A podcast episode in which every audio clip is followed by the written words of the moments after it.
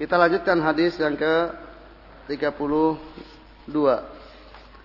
Wa an Abi Sa'id Al-Khudri radhiyallahu anna Nabiy sallallahu alaihi wasallam qala Dan dari Abu Sa'id Al-Khudri semoga Allah meridainya, Nabi sallallahu alaihi wasallam bersabda, "La dharara wa la dirara." Tidak ada atau tidak boleh menimpakan menimpakan madarat dengan sengaja atau tidak dengan sengaja. Atau tidak boleh menimpakan madarat baik dia mendapatkan manfaat dari hal itu atau tidak mendapatkan manfaat. Itu zarar dan dirar. Wa dirara jadi maknanya berbeda dan ada dua yang saya ketahui. Ya, sebagian memaknakan doror pertama itu menimpakan bahaya kepada orang lain tapi tanpa sengaja. Kalau doror itu menimpakan bahaya kepada orang lain dengan sengaja. Terdapat yang lain, doror itu menimpakan bahaya kepada orang lain dengan tidak mendapatkan faedah dan doror itu menimpakan bahaya kepada orang lain dan dirinya mendapatkan faedah. Hadis Hasan Rawai Ibnu Majah wa Daruqutni musnada wa rawahu Malik fil Muwatta mursala an Umar bin Yahya an Amr bin Yahya an nabihi anin nabi sallallahu alaihi wasallam fa asqata Abu Sa'id walau turqun yakwi ba'daha ba'da. Atau yakwi ba'daha ba'da. Hadis tersebut diriwayatkan hadis Hasan diriwayatkan Ibnu Majah dan Daruqutni secara ber sambung musnada dalam bersambung. Dan Imam Malik mengatakan muwatta'nya mursal terputus. Dari Amr bin Yahya dari bapaknya dari Nabi sallallahu alaihi wasallam. Fa asqata Abu Sa'id. Jadi Abu Sa'id tidak tersebut dalam hadis. Ini mursal jadi dari tabi'i langsung ke Rasulullah SAW. Kalau dalam riwayat yang tersebut Abu Said ini musnad. Hanya bersambung. Artinya tanpa mur, tidak mursal. Dan hadis hadis ini memiliki jalan lain yang sebagian menguatkan yang lainnya. Jadi kalau secara individu dari riwayat-riwayat yang ada, masing-masing riwayat itu doaif tapi terkumpulnya beberapa riwayat dhaif tersebut naik menjadi hadis yang hasan. Hadis yang hasan karena riwayat banyaknya riwayat yang dhaif namanya hasan li ghairihi. Ikhwah fi dan untuk lebih jauhnya tentang hal itu ada dalam pelajaran mustalah hadis. Yang menjadi inti kita adalah apa yang merupakan sabda Nabi Shallallahu Alaihi Wasallam. Di sini lador waladirar. Jadi mengapa maknanya dibedakan dua-duanya? Karena kaidah kaidah bahasa itu al aslu itu taksis la takkid. Jadi asalnya perkataan adalah tidak terjadi pengulangan, tidak terjadi penekanan. Jadi masing-masing adalah menyampaikan sesuatu yang berbeda. Maka tanpa ada korina, tanpa ada bukti bahwa itu penekanan, maka harus dibawa kepada makna yang berbeda-beda satu dengan yang lainnya. Itu karena al aslu fil kalam itu taksis, jadi untuk mendasari, bukan takkid, bukan penekanan.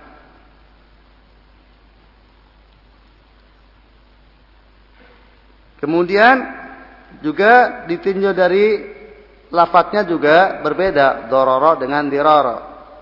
Yang menunjukkan adanya perbedaan makna. Namun tadi maknanya ima. Demikian yaitu apa? Menimpakan madarat dengan tidak sengaja. Yang satu, yang satu menimpakan madarat dengan sengaja. Itu kalau kemudian madarat dalam muamalah karena madarat di sini penafian madarat di sini mencakup dalam dua hal. Jadi dalam syariat itu baik dalam ibadah atau dalam muamalah. Tidak ada tidak ada madarat dalam syariat, baik dalam ibadah maupun dalam muamalah. Jadi syariat ini tidak menimbulkan bahaya. Baik syariat yang sifatnya ibadah maupun syariat yang sifatnya muamalah. Maka terkait dengan syariat Allah SWT, maka tidak ada yang menimbulkan bahaya. Semua syariat Allah Taala adalah semua syariat Allah adalah membawa kebaikan bagi manusia. Kemudian di dalam muamalah itu tidak boleh ada terjadi menimbulkan bahaya. Baik yang disengaja maupun yang tidak disengaja. Hanya bedanya kalau bahaya yang ditimbulkan dengan tidak sengaja maka tidak berdosa tatkala tidak mengetahuinya. Namun kalau kemudian dia mengetahuinya maka dia harus berusaha untuk kemudian mengangkat bahaya tersebut. Misalnya seseorang kemudian nyirami tanaman, kemudian airnya itu merembes ke lantai tetangganya kan itu. Jadi pot-potnya itu tetangganya lantainya itu tanah kan itu. Kemudian ada apa? Dia nyirami tanaman kemudian merembes ke, ke rumah tetangga. Kan dia seng, tidak sengaja dia nyiramin tanamannya, ternyata merembes ke rumah tetangga. Akhirnya tetangganya kamarnya basah kan. Maka tatkala dia tidak mengetahui, maka dia tidak berdosa. Tapi setelah dia mengetahui maka dia berusaha untuk bagaimana supaya dampak dari menyiraminya itu tidak kemudian masuk ke rumah tetangga. Dan demikian juga tanaman yang dia tanam misalnya kalau kemudian mengganggu tanpa diniati akhirnya mengganggu tetangga yang semestinya kena sinar menjadi tidak kena sinar misalnya. Atau kemudian sampahnya sampah dari tanaman yang ada di rumah kita kemudian tetangganya yang tiap pagi sore suruh nyapu gara-gara tanaman kita. Itulah menimbulkan madarat. Yang tidak disengaja. Namun tatkala itu menimbulkan madarat maka harus dibuang harus dihilangkan madarat tersebut. Nah, kalau menimbulkan madarat, menimbulkan bahaya ke orang lain dengan sengaja, maka ini adalah berdosa. Kemudian itu dari satu satu makna. Kalau dari makna tadi menimbulkan bahaya yang dia tidak mengambil manfaatnya dan menimbulkan bahaya yang dia mendapatkan manfaatnya.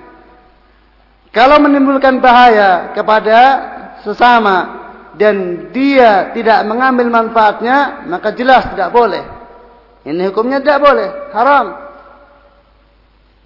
Menimbulkan bahaya kepada sesama dan dia tidak mengambil faedah sedikit pun dari bahaya yang timpakan kepada sesamanya. Kalau kemudian dia menimpakan bahaya kepada sesamanya, namun dia mendapatkan faedah dari itu, maka dilihat bentuk faedah atau bentuk bahayanya dan sekaligus juga bentuk faedahnya. Kalau hal itu suatu yang biasa, yang merupakan urf, mau tidak mau, apa kita menimbulkan, mengenakan matorat kepada saudara kita, tetapi itu merupakan yang sudah ada urf, maka tidak mengapa. Seperti asap motor misalnya. Menimbulkan matorat bagi sesama atau tidak? Ya, sesama. Maka tidak karena menghindar supaya tidak menimbulkan motor bersama, maka kemudian tidak boleh seorang memiliki motor karena asapnya telah mengganggu orang lain. Paham? Jadi kalau sesuatu yang merupakan urf kehidupan masyarakat itu hal yang lumrah. Seseorang itu menimbulkan apa? menyakiti saudaranya atau menimbulkan kerugian pada saudaranya, tapi dia mendapatkan faedah dari itu dan madarat yang ditimbulkan itu perkara yang wajar. Yang masih bisa ditolerir. Yang merupakan urf masyarakat maka hal itu bah, tidak mengapa. Namun kalau madara tersebut sudah tidak wajar lagi walaupun dia mendapatkan faedah maka ini tidak boleh. Maka kalau kemudian asap rokok madaratnya dari mana itu dia juga tidak mengambil manfaat, orang lain bah, dirugikan. Maka kuadrat. Bahkan itu bisa pangkat empat. Jadi tatkala kemudian merugikan diri sendiri,